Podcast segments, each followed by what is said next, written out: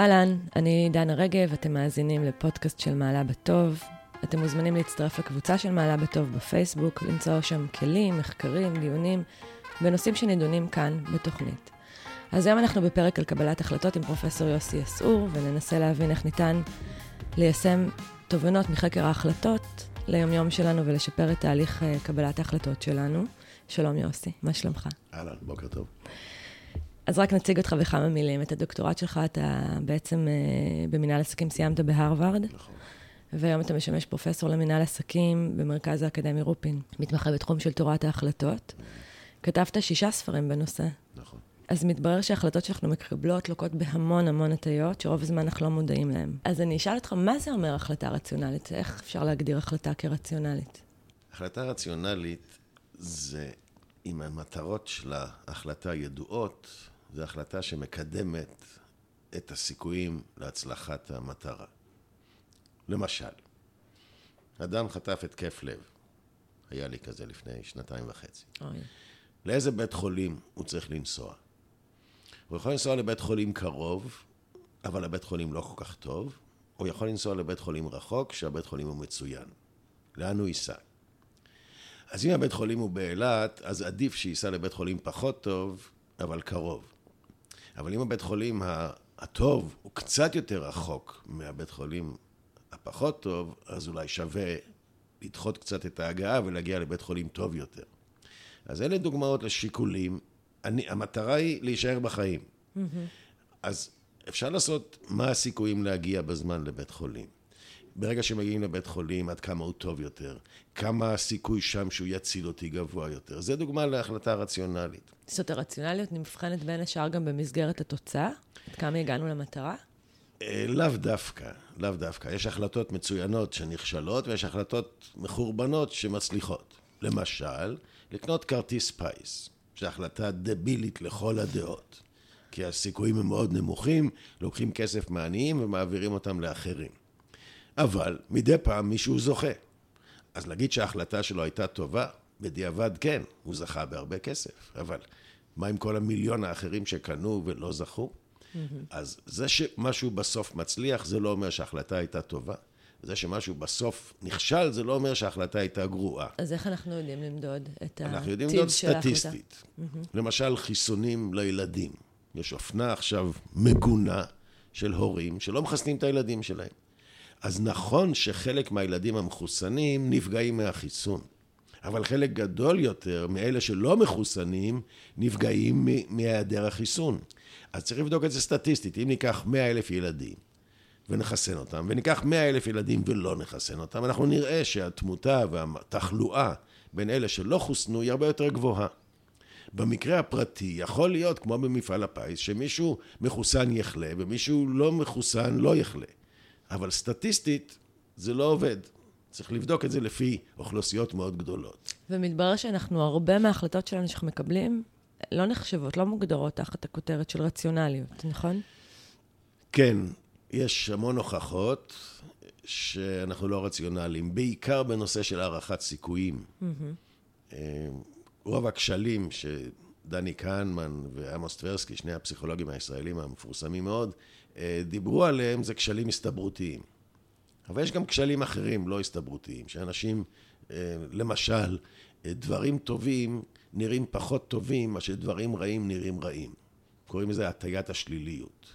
זאת אומרת, אנחנו נוטים לתת יותר משקל לדברים רעים? כן. עכשיו, זה לא, זה לא נכון. אבולוציונית, יכול להיות שלאכול פרי רעיל זה יותר חמור מהנאה שאוכלים פרי מתוק. אז, אז, אז שם אולי זה מתאים, אבל אם אני שוקל אה, לקנות מניה מסוימת, ואני יודע שאני יכול להרוויח או להפסיד, ואני נותן משקל גדול יותר להפסד, זו שגיאה. כי כסף זה כסף, זה לא משנה, בסוף מחברים את כל ההכנסות עם כל ההוצאות, ורואים האם הרווחתי או לא. ויש אנשים שהם כל כך פוחדים מהפסדים, כי הכאב בהפסד הוא מאוד גדול, אז הם הולכים על הבטוח, קונים אגרות חוב של ממשלת ישראל, שאני לא יודע כמה הממשלה יציבה, ואני לא יודע כמה האגרות חוב האלה יציבות. בשלב הזה, אגב, עוד לא ממש, עוד אין לנו כל כך ממשלה. כן, וגם כשתהיה היא לא תהיה יציבה, בכל מקרה. אבל אנשים, בגלל הפחד מכישלון, נמנעים מלקבל החלטות. ועוד פעם, הסיבה העיקרית היא שהכישלון כואב הרבה יותר מאשר ההצלחה. שזה בעצם המרירות, אתה מדבר על המרירות של הכישלון, מלא מתיקות של ההצלחה. נכון. ו... המרירות של הכישלון גדולה ממתיקות ההצלחה. Mm. ואז אנשים נמנעים מלקבל החלטה. למשל, אישה מוכה. אם כל מי שתשאלי יגיד, היא צריכה לעזוב את בעלה, כמובן. אבל היא חושבת, אם אני אעזוב אותו, אז מה יהיה עם הילדים ופרנסה?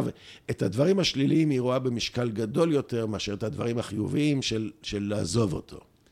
ואז קורים דברים... אפשר דבר... להגיד אולי במילים אחרות שאנחנו מונעים יותר מפחד? אני לא יודע אם זה פחד פה בדיוק המילה שהייתי בוחר בה. הייתי אומר שהכאב מכישלון הוא גדול מאשר ההנאה מהצלחה. הפחד, פחד זה כבר קשור בסיכויים. אבל גם פחד הוא גם, הוא גם נכון, הוא העצמה של התוצאות. אנשים מפריזים בתוצאה, בחומרה שלה. אז בעצם, כשאתה מדבר על, לפני, רק לפני שאנחנו תכף ניכנס פנימה גם לקבלת, באמת לקבלת החלטות ולקיחת סיכונים, אבל כשפנינו לקהילה עם שאלות לגבי הפרק הספציפי הזה, אז מצאתי שיש אנשים שתופסים את עצמם כמקבלי החלטות טובים, ויש אנשים, והם יכולים להגיד, אני טוב בקבלת החלטות, ויש אנשים שמעידים על עצמם שהם גרועים בזה. Mm-hmm. ברמה הסובייקטיבית, אתה יודע להגיד מה מבדיל בין אנשים שתופסים את עצמם כמקבלי החלטה טובים, לכאלה שתופסים את עצמם כפחות? זה שהם תופסים את עצמם, זה לא אומר שהם באמת כאלה. Mm-hmm. אז זו הגדרה אישית שלהם. אני הייתי אומר שאדם שמקבל החלטות טובות, זה אדם ש, שמשתמש נכון בסיכויים ובתוצאות. הוא לא, הוא לא מפריז בסיכויים. למשל, אדם אה, שותה חמישה בקבוקי בירה ואחר כך עולה על האופנוע שלו ורוצה לחזור הביתה. הוא לא יגיע הביתה. זאת החלטה לא נכונה. הוא לא מעריך נכון את הסיכויים שלו לנהוג תחת שכרות. Mm-hmm. והוא יגיד לך, אני, אני שולט במצב. אז יש פה הערכה לא נכונה של הסיכויים. זאת אומרת, אתה אומר שכדי לקבל החלטה נכונה, אנחנו צריכים להעריך נכון את הסיכויים שלנו. את הסיכויים וגם את התוצאות, גם להבין נכון את התוצאות. איך מעריכים סיכויים ותוצאות? איזה שיטות יש לנו, טכניקות כדי אז קודם כל ישנם כל הכשלים, שאולי נגיע אליהם מאוחר יותר, אבל למשל היציאה מעזה, זו דוגמה מצוינת. אריק שרון היה ראש ממשלה, הוא חשב שאם נצא מעזה, אז יהיה שלום, נעזוב אותם לנפשם, אנחנו רואים היום ש, שזה לא כך. הערכת הסיכויים של ההתנהגות של הפלסטינאים הייתה לא נכונה. זה בדיעבד, זה לא חוכמה להגיד את זה היום, אבל מי ש... כמובן שאנשי הימין אומרים, ידענו את זה מראש. ואנשי השמאל אומרים, צריך לתת תקווה לשלום. דרך אגב, נגיד שיש פיגוע. מה אומרים אנשי הימין? אתם רואים, אין עם מי לעשות שלום. מה אומרים אנשי השמאל? אתם רואים, צריך לעשות שלום. לוקחים את אותו נתון ומתרגמים אותו שונה לחלוטין. כל אחד... העובדות בסופו של דבר מחזקות את הסיפור שאני מחזיקה. נכון, קוראים לזה הטיית האישוש. confirmation bias. אני מאשש את מה שחשבתי קודם. אנשים במקום ללמוד מהשגיאות שלהם, הם רק מעצימים את השגיאות שלהם. לוקחים כל עובדה ומחברים אותה למה שהם חשבו קודם, מוכיחים, הנה אתם רואים, צדקתי קודם. אנשים עסוקים בהצדקה יותר מאשר בלמידה. וזו טעות מאוד נפוצה. אז אם ניקח את הדוגמה שדיברת עליה, נגיד עם הסכסוך הפלסטיני-ישראלי, איך אפשר ללמוד מהניסיון עבר לצורך העניין? כן, אז נגיד זוג שוקל לקנות בית בעוטף עזה. המחירים מאוד נמוכים, הסביבה כפרית, מאוד נעים. הם צריכים לשאול את עצמם, האם ההנחה במחיר שיש לי על קניית בית באזור המרכז, והילדים חיים בקיבוץ, שזה מאוד כפרי וחינוך מצוין, האם זה שווה לי, כל אחד באופן אישי, את הסיכוי שאחת לשנה או שנתיים יש חשש שיפול פגז בחצר הקיבוץ? שווה לי או לא שווה לי? הסיכוי הוא מאוד נמוך. הסיכוי להיפגע מטיל בעוטף עזה הוא מאוד נמוך. יש אמצעי מיגון, אנחנו רואים כמה אנשים נהרגו בשנים האחרונות, מעט מאוד. לעומת זאת, אנשים בתאונות דרכים מתים יותר אנשים. כן, יכול להיות אבל שבן אדם ייקח החלטות שהן לא רק על בסיס חי-מת, אלא גם על בסיס ה-well-being כן. שלי, כמה נכון, נעים לי לחיות נכון, תחת אזעקות. לגיטימי בהחלט. ואם הוא חושב שהילדים שלו יגדלו בטראומה בגלל האזעקות, אז אולי עדיף שלא יעבור לגור שם. אבל אם הוא חושב שיחסית, עוד פעם, זה עניין אישי, אבל אם אנשים חושבים שיחסית זה מופרז, ההתייחסות אל, ה, אל הטרור, נקרא לזה, או אל היריות, אל פגזים, היא מופרזת. אז הוא אומר, יהיה לי מ-365 ימים בשנה, חמישה ימים קשים, ו-360 ימים נהדרים. שווה לי לקחת את הסיכון, אני מוכן לשלם את המחיר. אז פה את רואה איזה שיקול דעת. ויהיו אנשים שיגידו לא שווה לי לקחת את המחיר, ויהיו אנשים שיגידו כן שווה לי לקחת את המחיר. שניהם קיבלו החלטה טובה, שקלו את התוצאות, לא מפחד. עוד פעם, הסיכויים להיפגע פיזית הם יחסית נמוכים. פסיכולוגית, יותר גבוהים. זאת אומרת, אתה אומר, אנחנו לוקחים את הסיטואציה, אנחנו ממפים על דרך האינדוקציה, על דרך הסטטיסטיקה, מה שהיה עד עכשיו. כן. מניחים ש... שהבסיס האינדוקטיבי הזה גם הוא מנבא. כן, ימשיך הלאה, נכון? כן, כן, נכון. ואז על בסיס הזה אנחנו מקבלים החלטות עם השיקולים הסובייקטיביים לחלוטין שלנו. נכון. אתן לך דוגמה אחרת. כשבתי הקטנה התחתנה, היה לי חצי דירה, הייתה לי חצי דירה בתל אביב של אימא שלי. שחצי שלי וחצי של אחותי. אז קניתי את החצי דירה של אחותי, ואמרתי לבת שלי שאני אתן לה את הדירה הזו, אבל בתנאי שהיא תעשה הסכם ממון עם הבן זוג שלה. והיא מאוד נפגעה, והוא נפגע. מה זה הסכם ממון? מה, אתה לא סומך עלינו? וזה ו... ו... ו... אמרתי להם, תקשיבו, 50 אחוז מהזוגות החילוניים בישראל מתגרשים. אז גם אתם 50 אחוז. אז הבת שלי אמרה, מה, אני סטטיסטיקה בשבילך? אני הבת שלך. אמרתי לה, 50 אחוז בקשיחות. 50 אחוז מהזוגות מתגרשים. אני לא רוצה שדירה של אימא שלי, שהייתה תופרת בתל אביב, ורצה מבית לבית לתקן שמלות של נשים עשירות, אני לא רוצה שבעוד שנתיים אתם תתגרשו והוא ידרוש חצי מהדירה. תעשו הסכם ממון, תקבלו את הדירה. לא תעשו, לא תקבלו. זה היה מאוד קשוח, והיה שימוש מושכל בהסתברויות. הם לא התגרשו והם מאושרים. איך היחסים איתך, יוסי? היחסים איתי הם, הם נסבלים. אוקיי. אבל נכון, הייתי צריך להיות די קשוח, אבל אלה הסטטיסטיקות, ולשמחתי הם לא התגרשו, אבל כאמור, באמת 50% מה, מהחילונים, פחות או יותר, מתגרשים. אז באמת תכף אני אאתגר אותך שם, כי, כי זאת שאלה מעניינת. אתה יודע, את אותו דבר, נניח שאני לוקחת את הדוגמה של עוטף עזה, ואנחנו הולכים עם זה לכיוון צפון הארץ. עד לפני כמה שנים, בצפון הארץ, גם אנשים ישבו במקלטים, נכון? אני ישבתי במקלטים בקיבוץ מנרה, כן. והתקבלה החלטה שעשתה שינוי בעצם במציאות, כשיצאנו מלבנון, mm-hmm. וכבר אני חושבת שהגבול הזה הוא יחסית גבול שקט. כן. אז המציאות היא גם משתנה, עד כמה הסטטיסטיקה הזו היא באמת כזו מקובעת נכון. ומנבאת. לא, לא, הסטטיסטיקה צריכה להיות חכמה. אם, עוד פעם, המציאות יכולה להשתנות גם בכיוון ההפוך, היום, אנחנו יודעים את זה, המתיחות שם היא... אבל לא צריך לקחת את המאה שנה האחרונות, צריך להגיד, נכון, היה כך וכך, היום המצב השתנה. יכול להיות שהיום, אם אני רוצה לגור בכפר, עדיף לי לגור בגליל מאשר בנגב. יכול להיות. אבל זה יכול להשתנות כמו שהשתנה קודם. אז הסיכויים צריכים להיות דינמיים, זה לא לקחת סטטיסטיקות קרות. Mm-hmm. לשאול את השאלה, מה הסיכוי שאם אני קונה היום בית בקריית שמונה, מה הסיכוי שהערך שלו ירד מאוד אם האזור יחזור להיות אה, אזור קרב? כן? כיום נראה לי שהסיכויים נמוכים, אבל זה יכול להשתנות, נכון. אוקיי, זה... אולי תכף ניגע. את יודעת, כשאני מלמד את הקורס שלי בקבלת החלטות בתנאים של אי-ודאות, אני אומר להם, זה לא קורס לנביאים מתחילים. אנחנו לא יודעים מה יהיה. אנחנו צריכים לקבל החלטות בתנאים של אי-ודאות. כלומר, תמיד ההחלטות שלנו באיזשהו מקום עיוורות לתוצאות. השאלה היא באמת קשורה בתהליך של קבלת ההחלטות שלנו. אין לנו ודאות ברוב המקרים. נכון, נכון. כשאדם מתחתן, יש לו ודאות.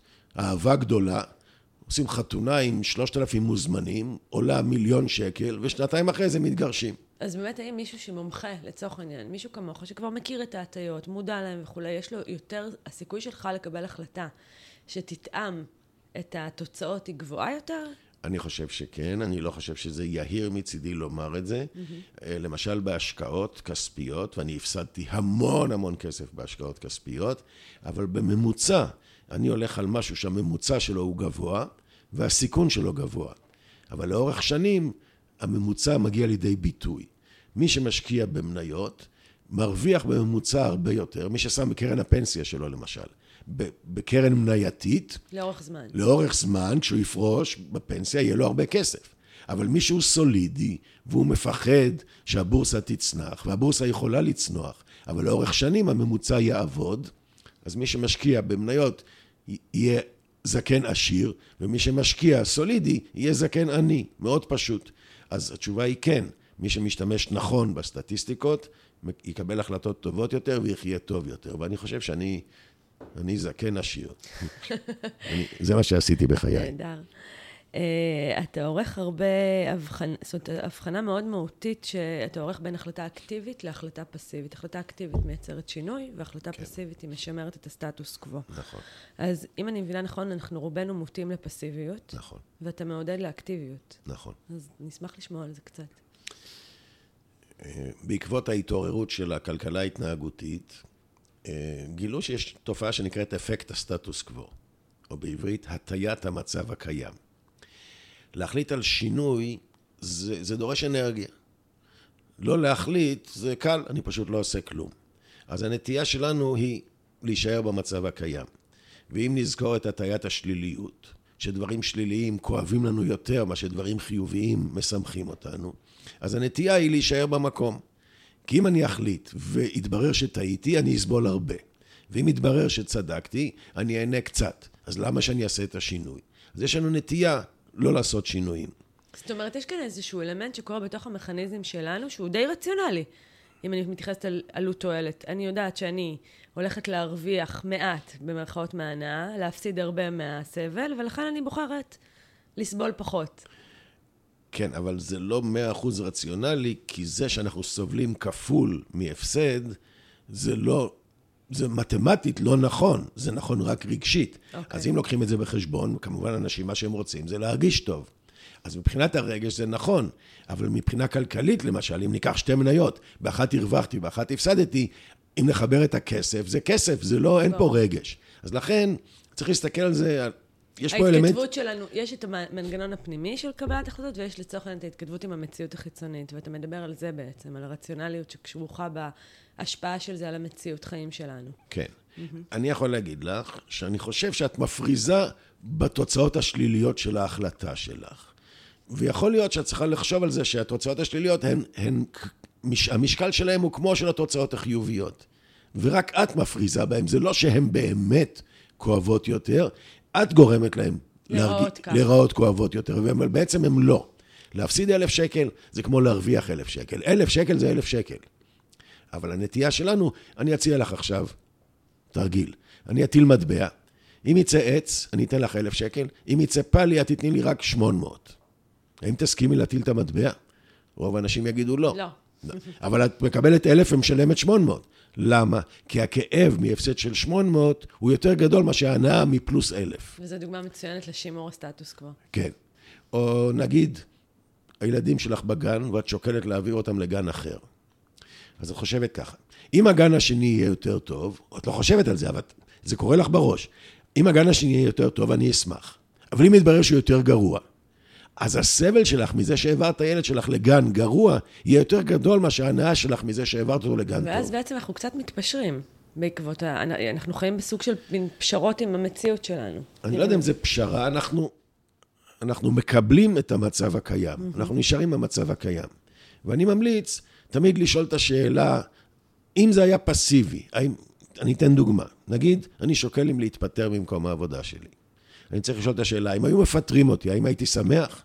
אם התשובה היא כן, אני צריך להתפטר. זאת דוגמה מצוינת שאתה נותן. אתה באמת נותן איזושהי המלצה שבמצבים כאלה נהפוך את ההחלטה כאילו היא קרתה לנו באופן פסיבי, נכון. ואז נשאל מה אנחנו מרגישים. נכון. שזו דוגמה מצוינת, כי באמת הרבה פעמים כשאנחנו עושים את הסוג הזה של התרגיל ההיפותטי הזה, אנחנו מגלים מה באמת אנחנו רוצים שיקרה במציאות. נכון, נכון. שיקרה לנו, לא שאנחנו נעשה, נכון. יותר קל לנו אם שיקרה לנו. בדיוק, כי אם זה קורה לנו, אנחנו לא יכולים להתחרט. Mm-hmm. אני מביא דוגמה עם סיפור אמיתי של סטודנטית שלי שנכנסה להיריון בגיל 43, והיא הייתה דתייה, והיו לה כבר שלושה ילדים גדולים, והיא, והיא מתלבטת אם לעשות הפלה או לא. אז הצעתי לה, תחשבי, אם היית עוברת הפלה טבעית, והיית מתעוררת בבוקר ומגלה את זה, האם היית שמחה או עצובה?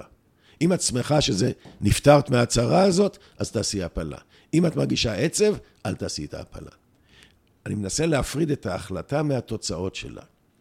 הרי אנחנו מחליטים בשביל התוצאות, אבל לפעמים ההחלטה היא קשה. ואם אני אקבל החלטה לא טובה, אני אתחרט. אבל אם היא קורית מעצמה, אני לא יכול להתחרט, זה קרה מעצמו. הילד, התינוק הופל, אלוהים, הטבע, משהו אחר גרם לזה. אני יכול לחוש אכזבה מההפלה, ואני לא יכול לחוש חרטה, כי, כי לא אני החלטתי. אתה מדבר על חרטה לא מעט. כן. תגיד כמה מילים בהקשר הזה, כי אוקיי. באמת, אה, ללא ספק, רגע שאנשים מאוד מתעסקים, ואני יכולה להגיד לך שמה שביקשו ממני, זה להבין איך אפשר לקבל החלטה בלי להתחרט. כן. אני באיזשהו שלב בחיי החלטתי שאני מפסיק להתחרט, שזה לא קל. כבר אמרתי לך, עשיתי השקעות כספיות, כל מיני, כשהגעתי לגיל קשישות, החלטתי, אני מס- מפסיק לקחת סיכונים ואני קונה זהב, שזה מימים ימימה, עוד פעם דוגמה לשגיאה, שלקחתי את העבר, היה מאוד סולידי. יציב. כן, יציב, מימי קדם ועד היום, וקניתי בדי הרבה כסף זהב, ואמרתי, זהו, זה יהיה הפנסיה שלי. והפסדתי 200 אלף שקל על הזהב הזה. והתחרטתי על השגיאה שעשיתי, ואז קניתי מניה של חברה, שאני לא אגיד את שמה, חברת תרופות מהגדולות בעולם ובארץ, אמרת את שמה. לא אמרתי את שמה, באופן טבעי לא אמרתי את שמה, והיא צנחה ב-60 אחוז, ועשיתי כאלה שגיאות הרבה. והחלטתי, אני לא מתחרט. זה לא יעזור, אני לא הייתי ישן בלילות. איזה שטות עשיתי, והפסדתי כל כך הרבה כסף. ופשוט הודעתי לעצמי, אני מפסיק להתחרט. זה לא יעזור לי. זה שאני מתחרט, זה לא יעזור לי. את השגיאה כבר עשיתי. אז החלטה, פשוט אני מחליט שמעכשיו כל קבלת החלטות שאני מקבל, אני מכבד את תוצאותיה, ו... כן. אבל שמעתי לאחרונה משפט מאוד יפה של הבודהיסטים, שהוא אומר שהסבל שווה לכאב כפול ההתנגדות. נכון. אם אני לא מתנגד, וחרטה זה סוג של התנגדות. חבל שעשיתי... התנגדות למציאות, אלה התוצאות. כן. כן. הכאב ישנו. מישהו נפטר במשפחתי.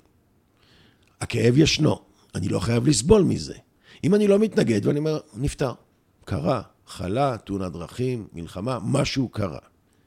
אני כואב את המוות של בן המשפחה שלי, אבל אני לא מתנגד לו.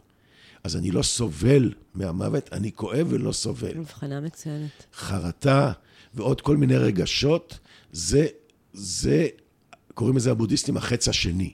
נכון. החץ הראשון הוא זה שהכאיב לי. החץ השני זה מה אני עושה עם הכאב הזה. אז אני אומר לשים את זה בצד. יש את הקטע הפיזיולוגי והקטע הפסיכולוגי. זאת אומרת, אני עושה את הכי טוב שאני יודע לעשות ברגע שאני קבלת חושב ההחלטה. שזה הכי טוב לעשות.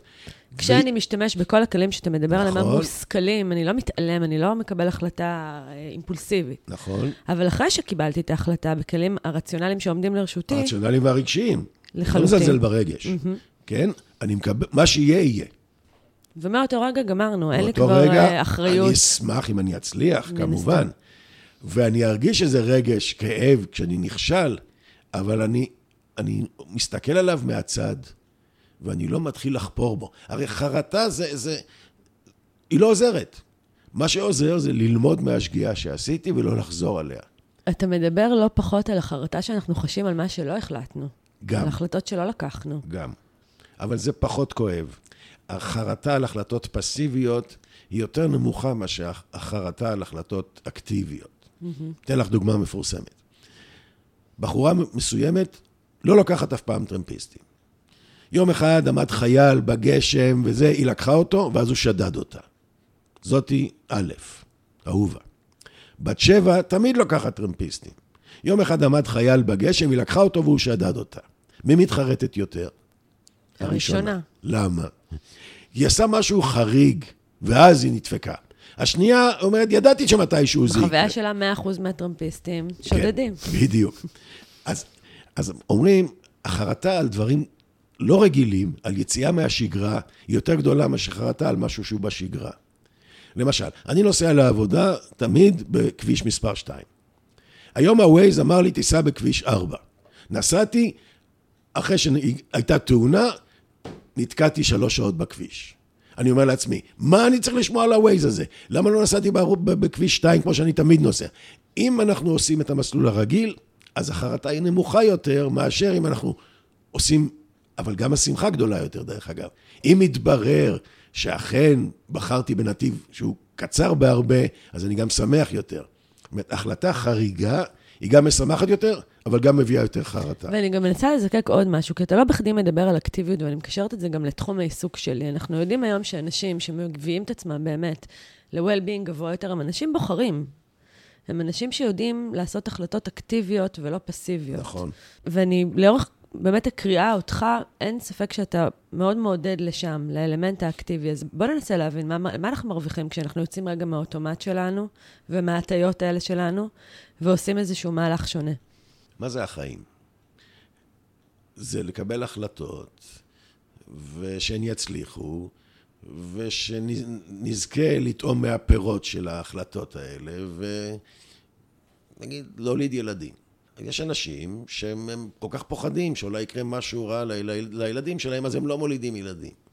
עכשיו, אני, אני לא רוצה לדבר על אם זה נכון או לא נכון, אה, כן להוליד או לא להוליד ילדים, אבל מי שרוצה ילדים, עם הפחד, ועכשיו חוזרים למה שאמרת קודם על הפחד, עם הפחד שמא הנושא יהיה קשה, שמא יקרה משהו, אולי יהיה לי ילד חולה. הם מחמיצים את החוויה של גידול ילדים. אז ברור שאם מישהו, או מישהו פוחד מטיסה, אז הוא לא נוסע לחוץ לארץ, הוא מפסיד את כל מה שיש בעולם בגלל פחד. אז קודם כל, הצ... זה ש... כשאני עולה למטוס, אני אומר, זה הרבה יותר בטוח מאשר הנסיעה לשדה התעופה. ברור. אז אני אומר לעצמי, עכשיו באוויר ישנם 60 אלף מטוסים. מה הסיכוי שהמטוס שלי יתרסק? אני, זה לא שאני לא מפחד בזמן ההמראה, היום כבר לא מפחד, אבל...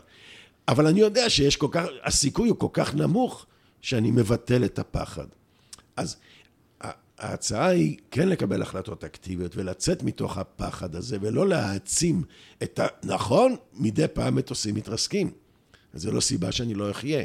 ואני רוצה לטייל בעולם ולראות מקומות. לכן מי שאקטיבי, הוא חי יותר. מה זה לחיות? זה להיות אקטיבי. אוקיי, okay, זה לחוות. כן. קשרת בין פרפקציוניזם לפסיביות. כן. וזה מאוד עניין אותי, כי אני חושבת שזה מתקשר בכלל למדעי העושר. אה, פרפקציוניזם... מדברים... בעיניי זו תכונה שלילית, שאדם רוצה את המאה, וזה תירוץ ללא לעשות כלום. ואני פרפקציוניסט, אם, אם אני אקבל 95 זה לא מספק אותי. אז אני לא אוהב אנשים כאלה. אני אוהב אנשים שעושים כמיטב יכולתם, הם רוצים להגיע ל-100, אבל 95 הם, הם שמחים.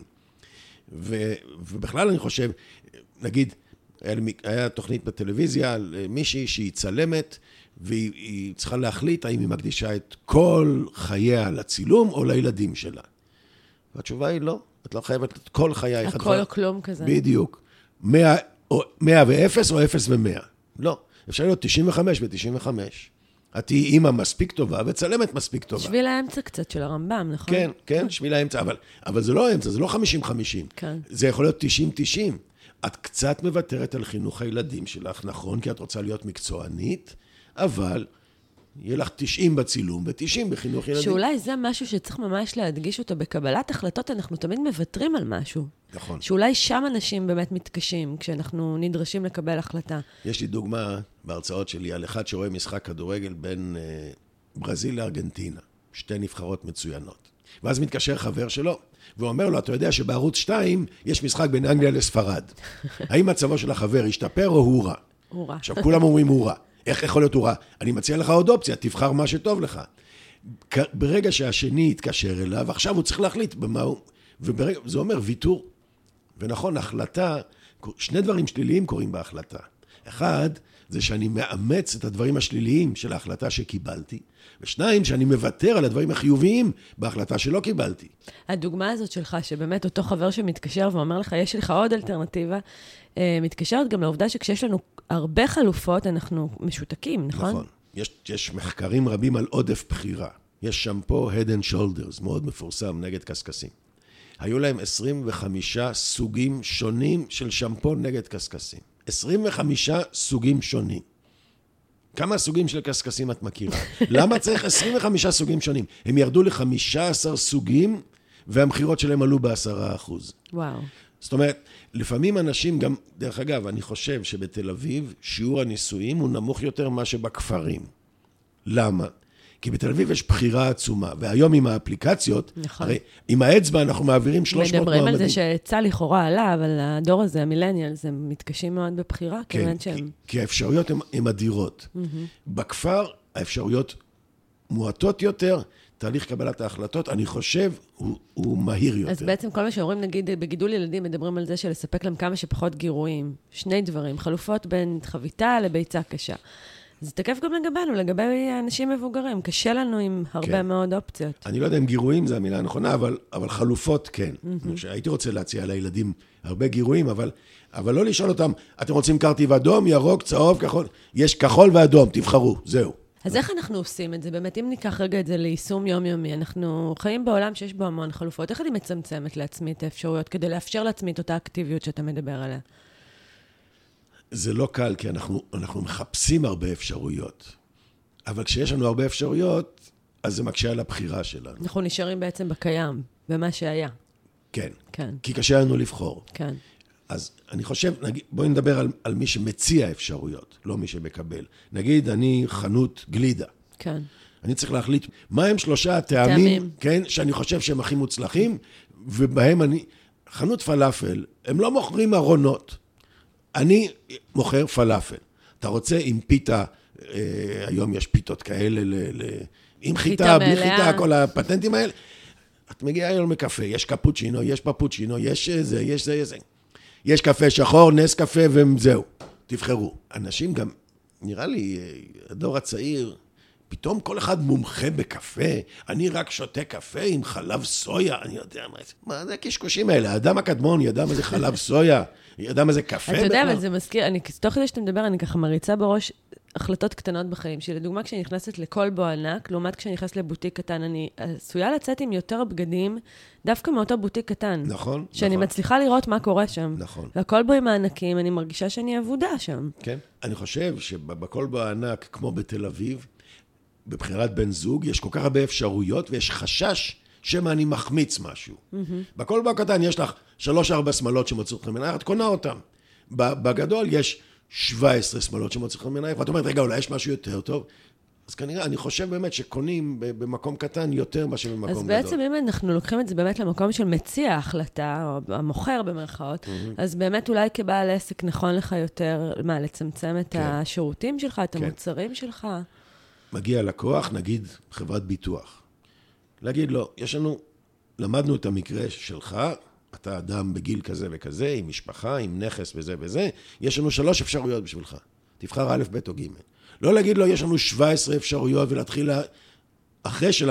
עוד פעם, ללמוד את המקרה הפרטי. חנויות, נגיד גלידה, אנשים באים, מוצר מדף. כן, אז יכול להיות שכן רצוי שיהיה מגוון, כי, כי, כי אנשים צריכים... לה... אבל אם מישהו כבר נכנס לחנות, הוא כבר יושב במסעדה, אני לא יודע, כל הכמות האדירה הזו של... יש, שמעתי על מסעדה בשיקגו, שאנשים מזמינים שלושה חודשים מראש כי אין מקום, זה עולה המון כסף, ואין שם בכלל בחירה.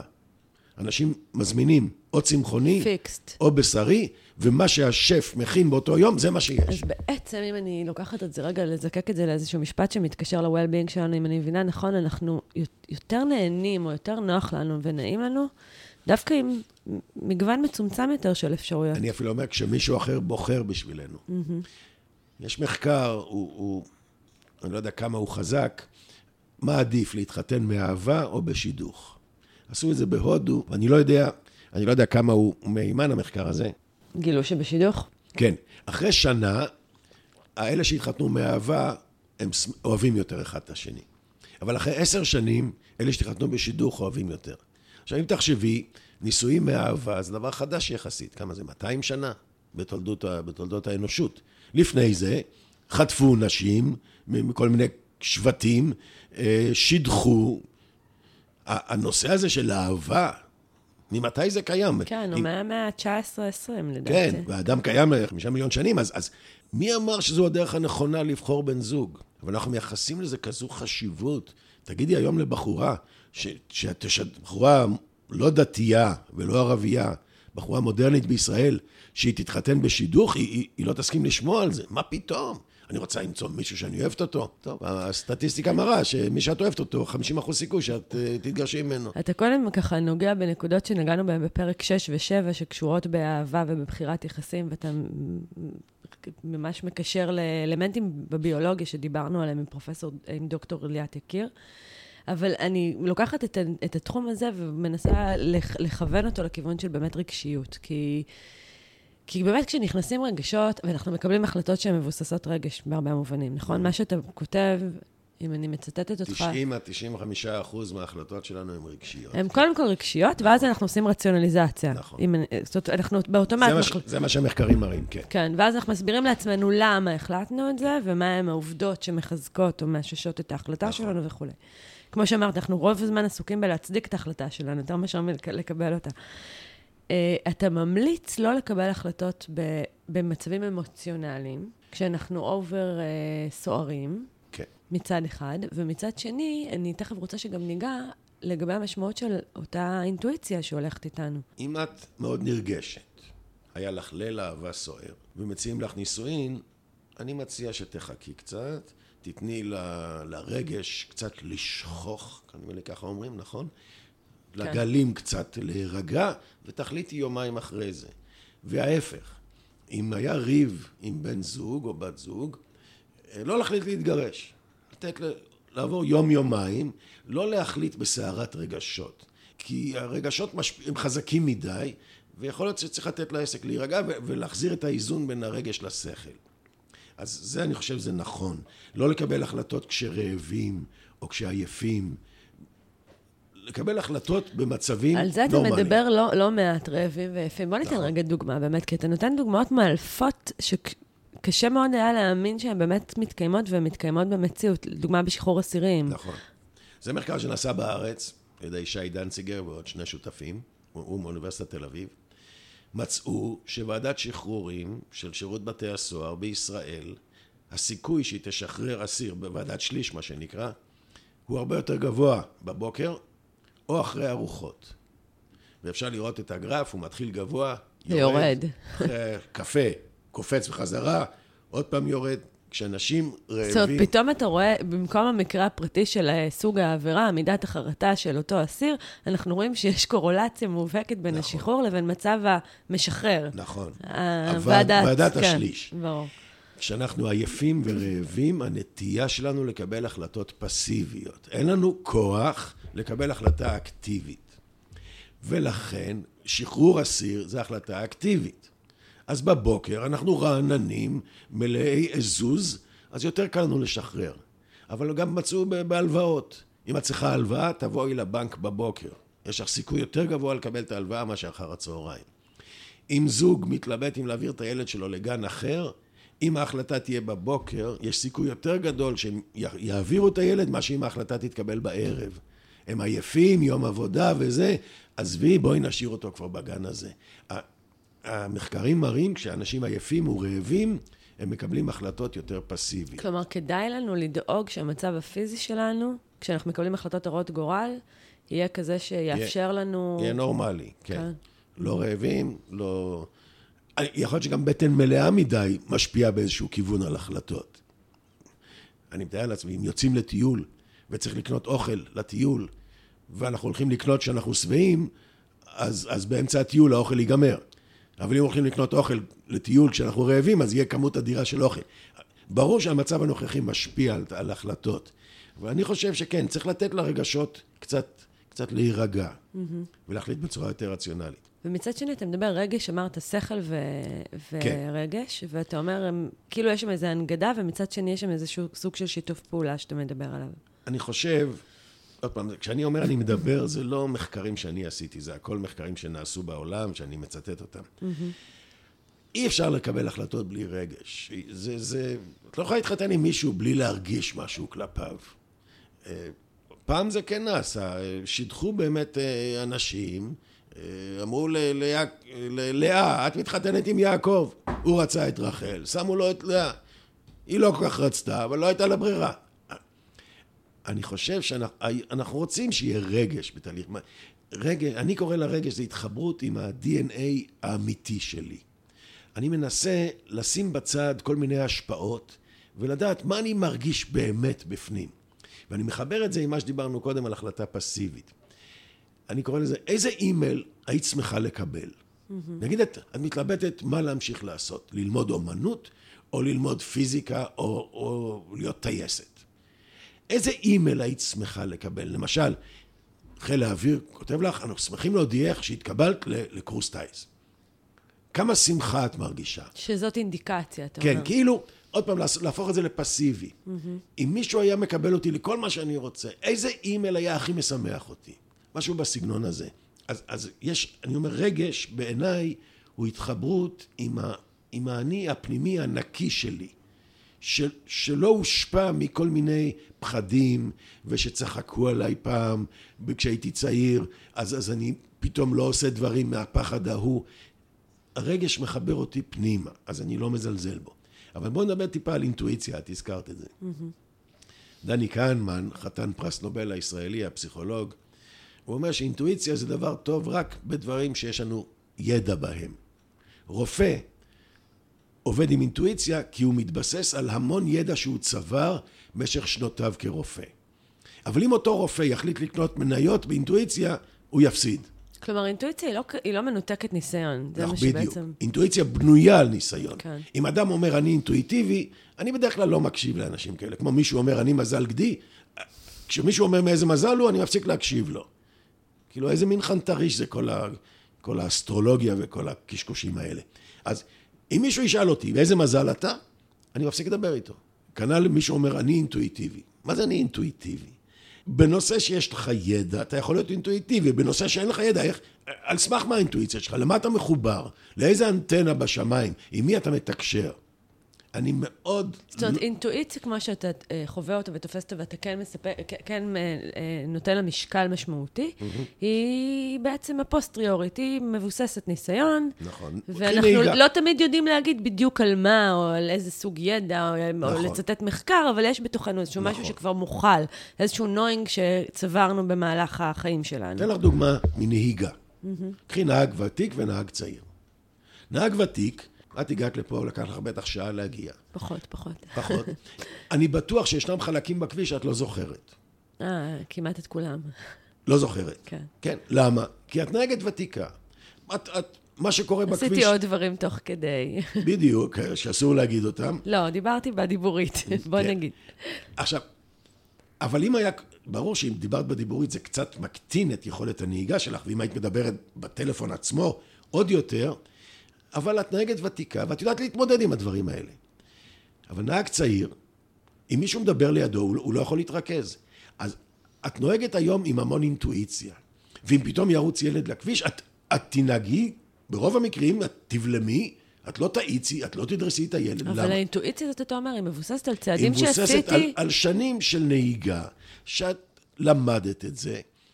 כשאדם רוכב על אופניים, זה די אינטואיטיבי. הוא לא אומר, אוקיי, אם אני עכשיו אעשה ככה אני אפול. הוא, הוא, יודע, הוא מרגיש את זה.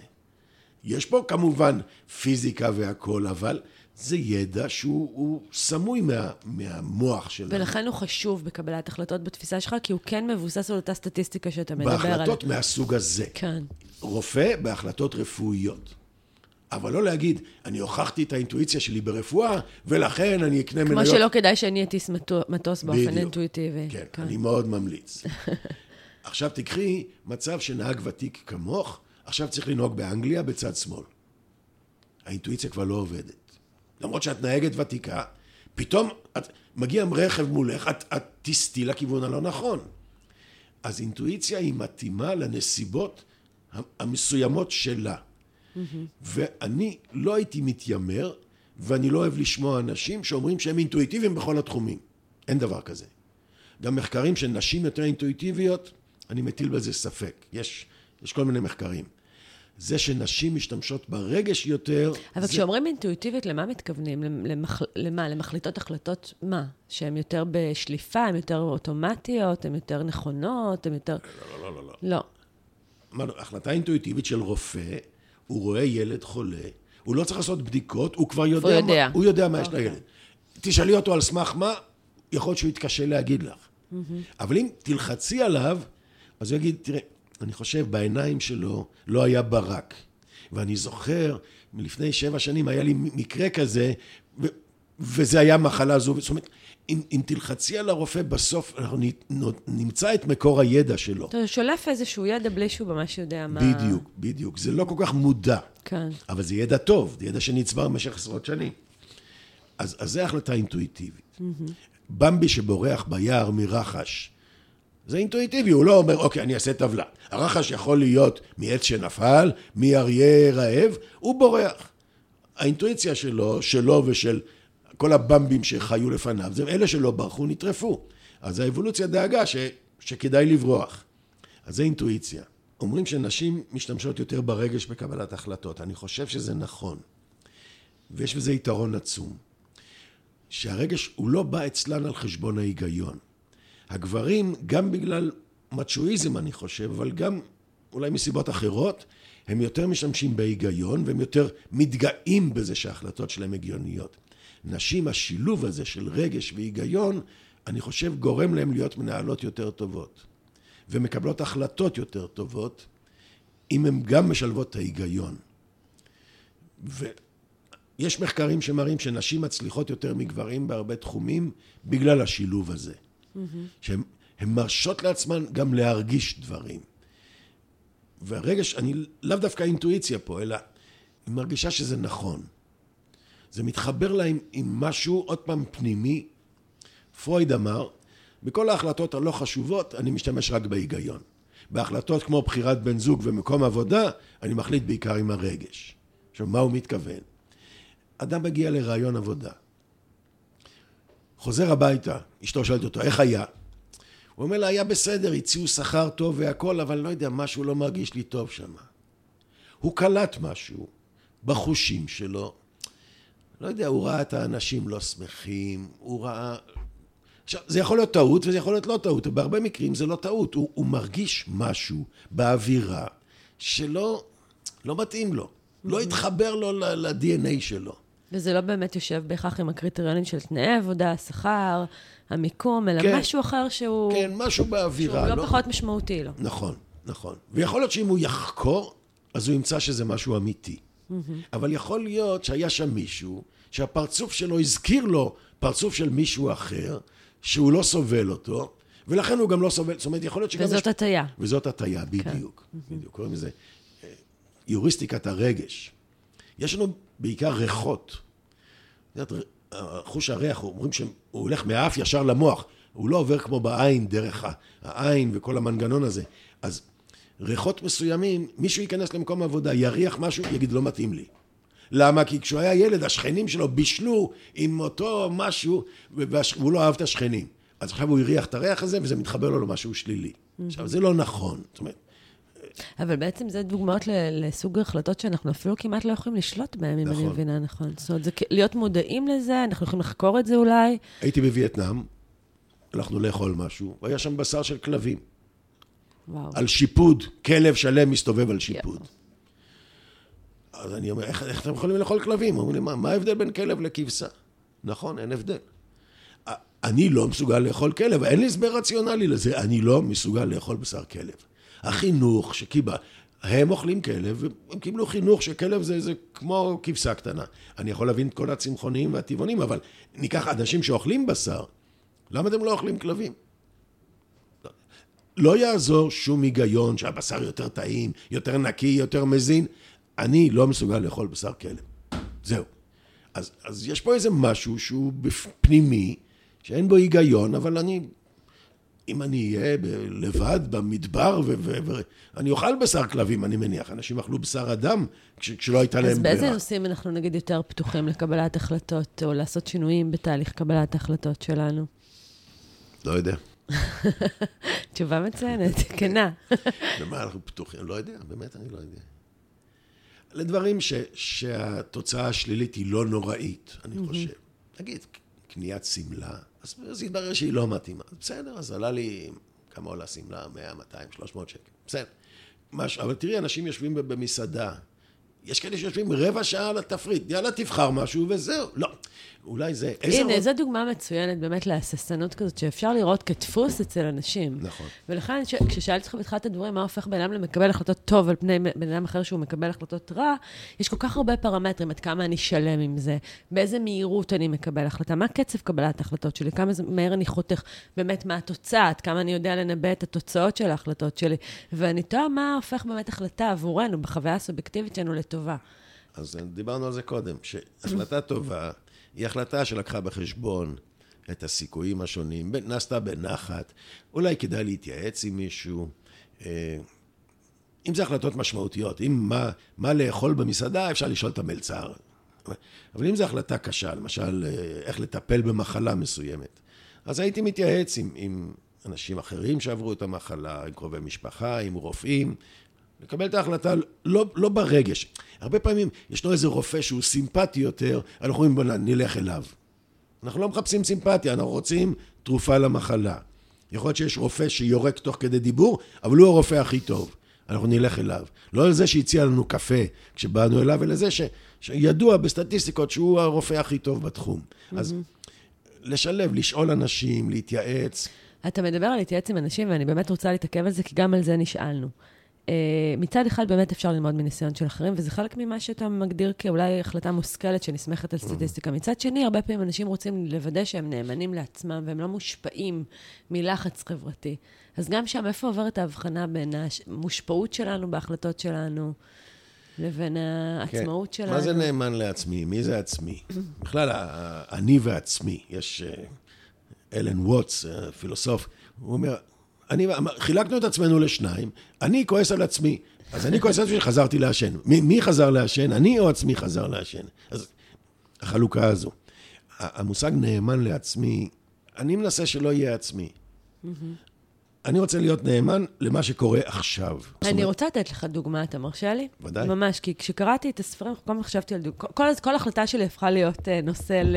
אוקיי. למיפוי uh, פנימי ולהבין עם איזה הטיה אני עובדת. אני רוצה לתת דוגמה מההורות שלי. אני אימא לשני בנים, וכשהבן השני שלי נולד, דווקא עם הראשון המחשבה הזאת לא עברה, uh, חשבתי לעצמי שהברית היא בחוויה שלי, באמת טקס פגאני מזעזע. עכשיו, אני לא אוכלת כשר, ואני לא שומרת שבת. אני חילונית בכל, אה, mm-hmm. אה, אני יודעת, אה, סימפטום של חיי. וכשזה מגיע ל, ל, לאלמנט דווקא הכי, עם תוצאות הכי מובהקות, ולא רוורסביליות כמו ברית, שם בסופו של דבר קיבלתי החלטה שהיא שימור סטטוס קוו. ועשית לו ברית. ועשינו לו ברית, כן. כן. אני... ופה אני שואלת שאלות לגבי ההשפעה של החברה, התחושת שייכות שלנו. אני ל... שאלתי את השאלה הזו פעמים רבות.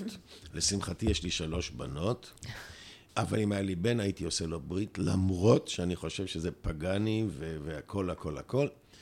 איפשהו הרצון שלי להיות מחובר ליהדות, ואני לא דתי בכלל, אני אנטי דתי, לא רק לא דתי. ואני יכול לאכול חזיר עם גבינה ביום כיפור. אין לי בעיה עם זה. ואין לי בעיה שיחזירו את ירושלים העתיקה ואת הכותל והכול. אני חושב שברית מילה היא תשלום קטן יחסית בשביל להישאר בתוך העם היהודי עם משהו מסמל עבורי.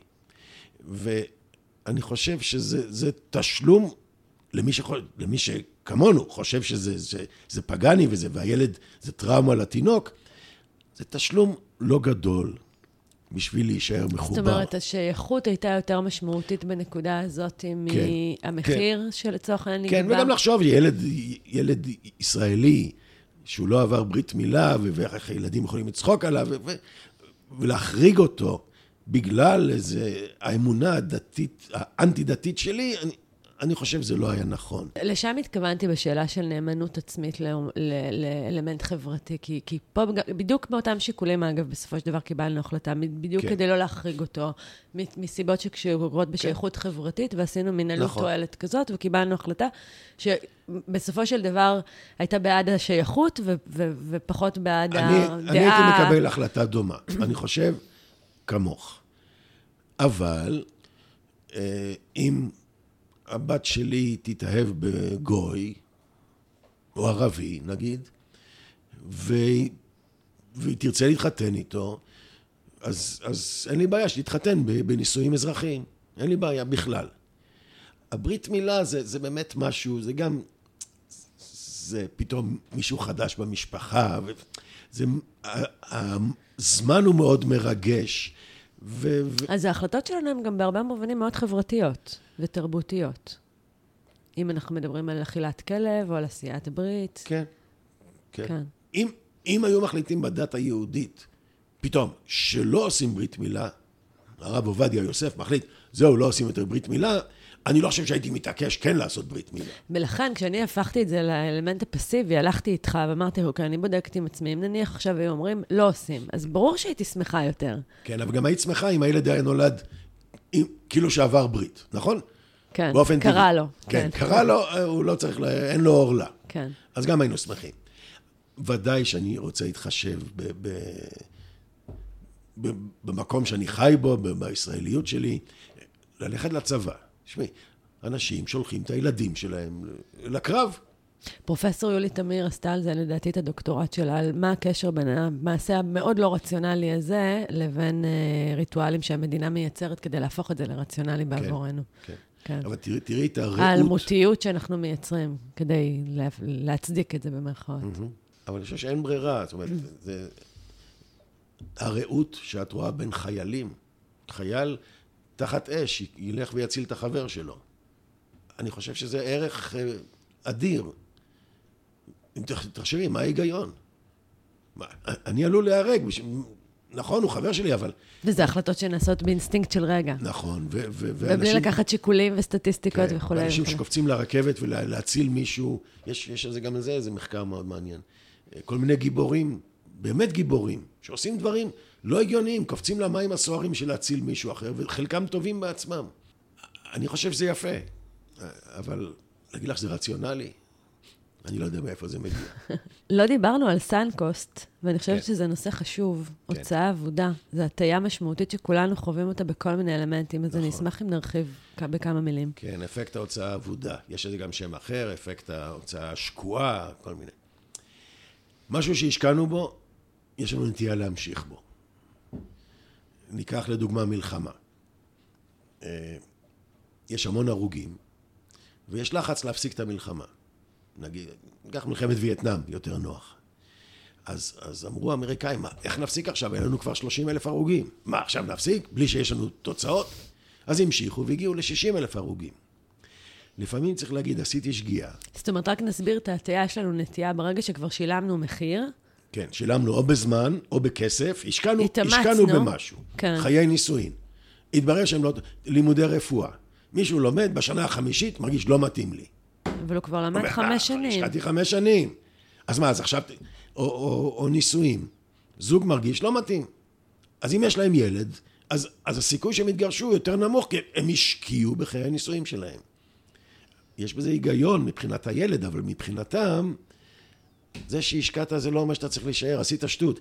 אדם קונה מניות, זו הדוגמה הכי טובה שאני הכי סובל ממנה.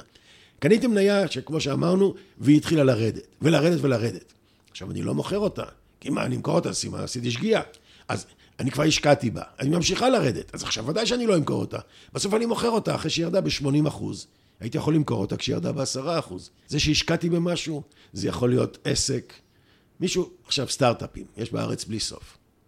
כשאדם מזהה שהוא עשה טעות, והסטארט-אפ לא יצליח, הכי מוקדם לעזוב אותו. לא. בואו ננסה אולי ככה ואולי ככה, כבר השקענו בזה. השאלה, מבחינה כלכלית, השאלה היחידה שצריכה להיות, מרגע זה ואילך, אוקיי. מה הכי טוב? זאת מה אומרת, שהיה, היה. הנטייה שלנו היא להסתמך על העבר המושקע שלנו, ולכן גם להישאר, לשמור על הסטטוס קוו הזה. ואתה אומר, בוא נעצור פה ונשאל את השאלה האם עכשיו הייתי מקבל את ההחלטה הזאת. נכון, הייתי... האם עכשיו הייתי משקיע במניה המופסדת הזאת? נכון. אם עכשיו לא... אם עכשיו הייתי מכניס את עצמי עוד פעם להשקעה, אז אם זאת ההשקעה שהייתי בוחר בה. ואם לא, פשוט לצאת? כן. אוקיי. כן, אבל עוד פעם, זה דורש, לפעמים זה נורא קשה. לכן אני אומר, להתייעץ עם אנשים אחרים. שמישהו אחר יגיד לך, דני כהנמן מגדיר מה זה חבר טוב. חבר טוב זה אחד שרוצה את טובתך, אבל הוא לא סובל מזה שאת סובלת. לא מתרגש מזה. את מספרת את הסיפור שלך, והוא שם את ה... בסדר, בסדר, שמענו. מה באמת נכון לעשות? זאת אומרת, הוא רוצה בטובתי והוא מנותק מהאמוציות שכרוכות בכל נכון. החלטה שלי. נכון. כן.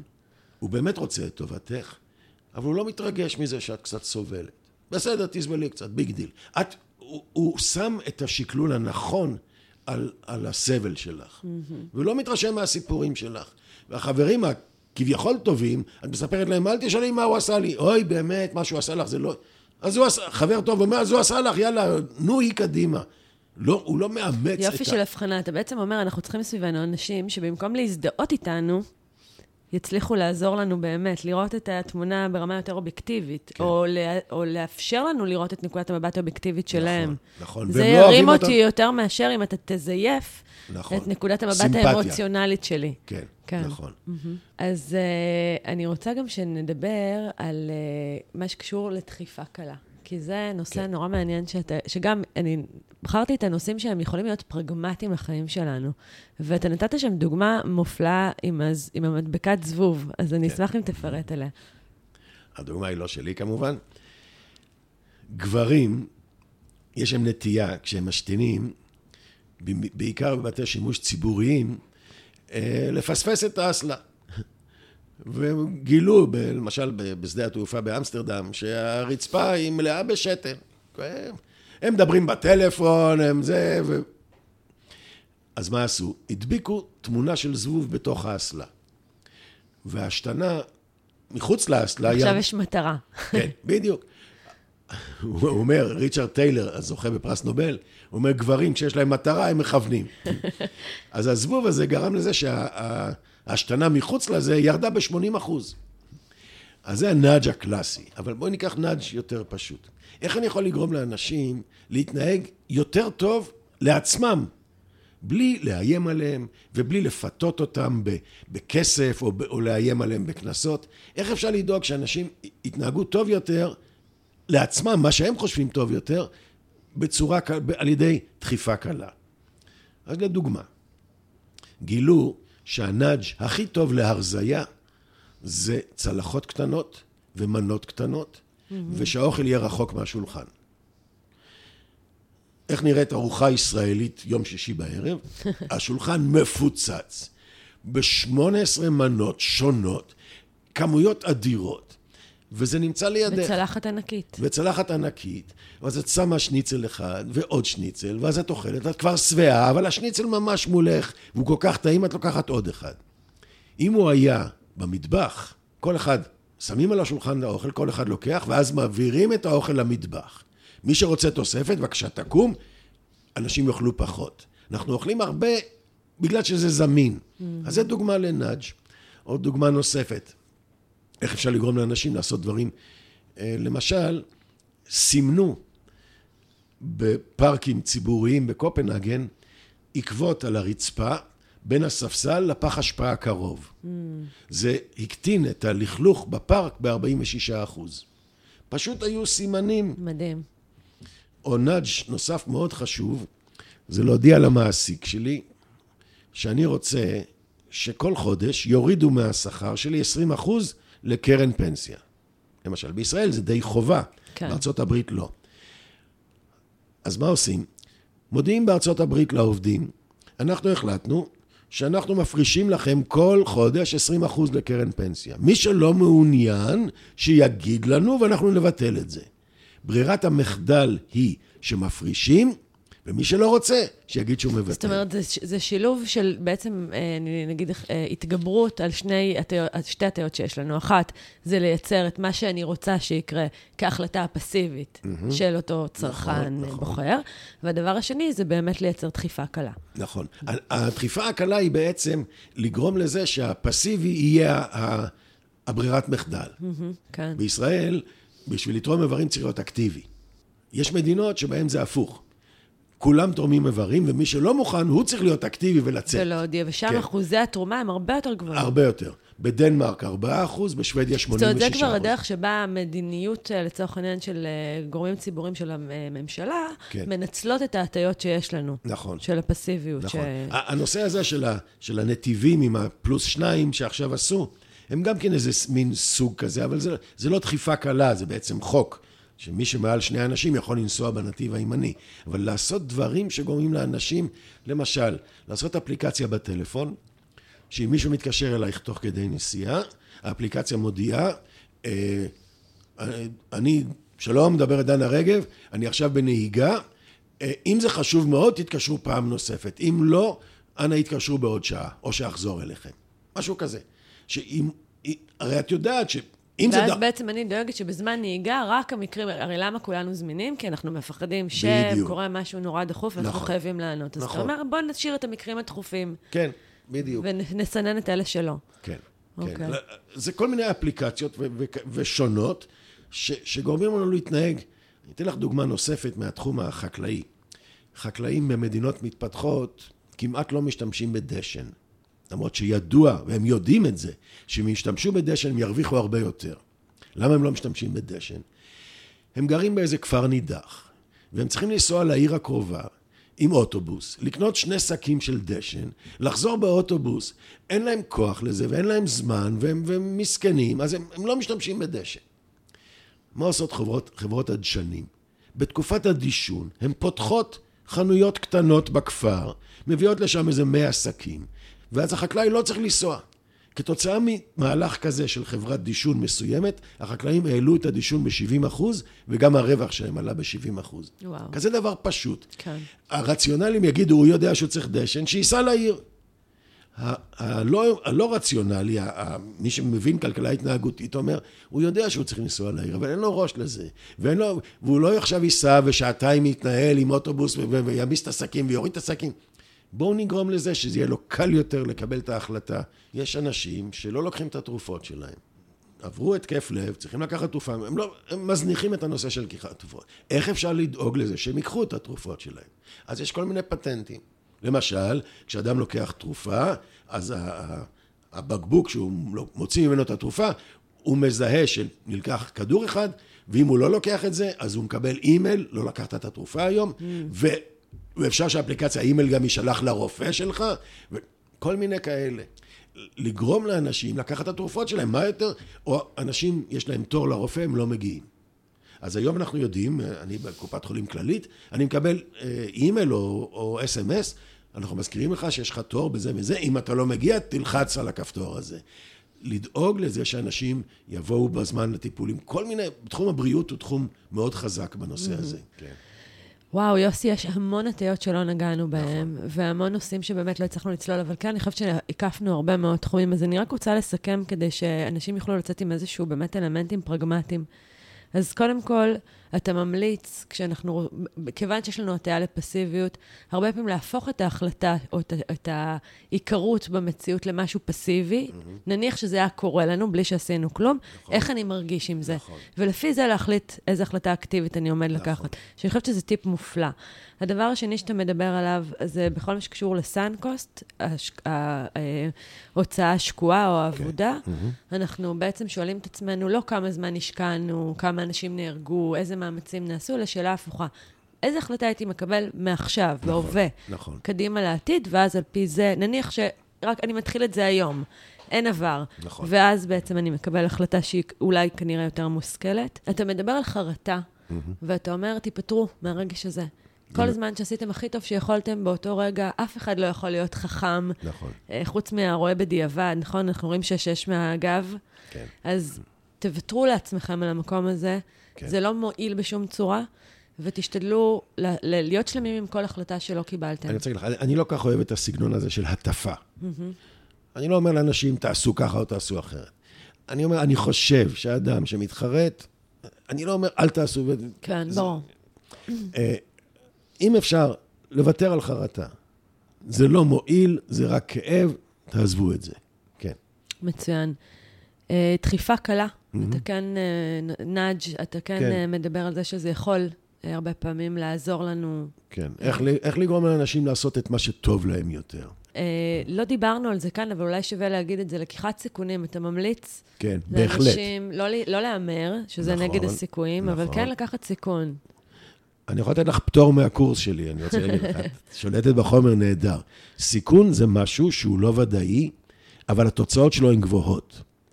לעומת זה, הימור זה משהו שאם נעשה אותו מספיק זמן, נפסיד. הימור זה, זה שלילי. זה נגד הסיכויים, שבעצם בדיוק. אין סיכוי, רוב הסיכויים שקזינו. נכון, קזינו בדיוק, זה... קזינו. הימור. בסוף, מי שמשחק מספיק זמן יפסיד.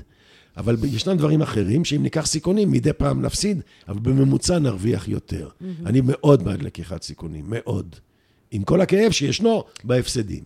יש לך ציטוט מופלא של אושו, שבעצם מי שחי זה באנשים שמסתכנים. אני חושבת שזה נכון. תקף, אני לוקחת את זה רגע לאלמנטים רגשיים, גם כשאתה רואה אנשים שמסוגלים לחשוף את עצמם רגשית, ולבוא ולהיות יותר פגיעים, הם נכון. אנשים שבסופו של דבר מספרים על עצמם שהם בחוויית יותר. חיים, כן. נכון. יותר אה, משמעותית בהחלט. או אה, מאושרת. היה לנו את הנושא של חבר טוב, שגם את זה לקחתי מהשיחה הזאת. אתה בעצם אומר, חבר טוב זה מישהו שמספק לי את נקודת המבט האובייקטיבית שהוא מחזיק בה. הוא נטול אמוציות, הוא הרבה פחות, אה, הוא פחות סוער ממני, מהמם. והוא יכול, הוא יכול לספק את הנקודה הזאת כן, עבורי ואולי להצביע על איזה בליינד ספוט. גם אני יכולה להיות חברה טובה בעבור חבריי, ודאי, ובעצם לאפשר להם אולי קבלת החלטות אה, בוודאי. יותר נקייה. והדבר האחרון קשור ברגשיות. אתה מדבר על זה שכשאנחנו מאוד סוערים, כדאי למתן קצת את הרגע. לחכות. נכון. להמתין לרגע שאולי אחרי שינה טובה, או אחרי שדיברנו עם מישהו והבררנו את עצמנו, נכון. אחרי שהתקררנו קצת. בדיוק. לא לקבל החלטות משמעותיות בזמן סערה. כן, ובאותה נשימה, אם דיברנו על המצב הזה, אז גם נגיד רגע על המצב הפיזי שלנו, כשאנחנו רעבים, כשאנחנו עייפים, זה אולי לא המצב לעשות שינויים משמעותיים. נכון. אה, גם כשאנחנו רוצים לעשות שינוי, אולי כדאי לפנות לגורם שאנחנו רוצים שהוא יעזור לנו להכ- להכיל את השינוי הזה, לפנות אליו כשהוא ערני ושבע בתחילת היום שלו וכיוצא נכון. באלה. עד כאן זה נשמע לך כמו יישומים רלוונטיים? כן, כן. יוסי, היה כמובן מרתק, מאוד מאוד קולח. תודה אה, רבה. תודה רבה שהסכמתם לתרום מהידע הרב שלך. תודה רבה לכם שהאזנתם, אתם מוזמנים מאוד להמשיך את הדיון בקבוצה של מעלה בטוב בפייסבוק. נשמח לארח אתכם גם בפרק הבא. שבוע טוב, ותעלו בטוב.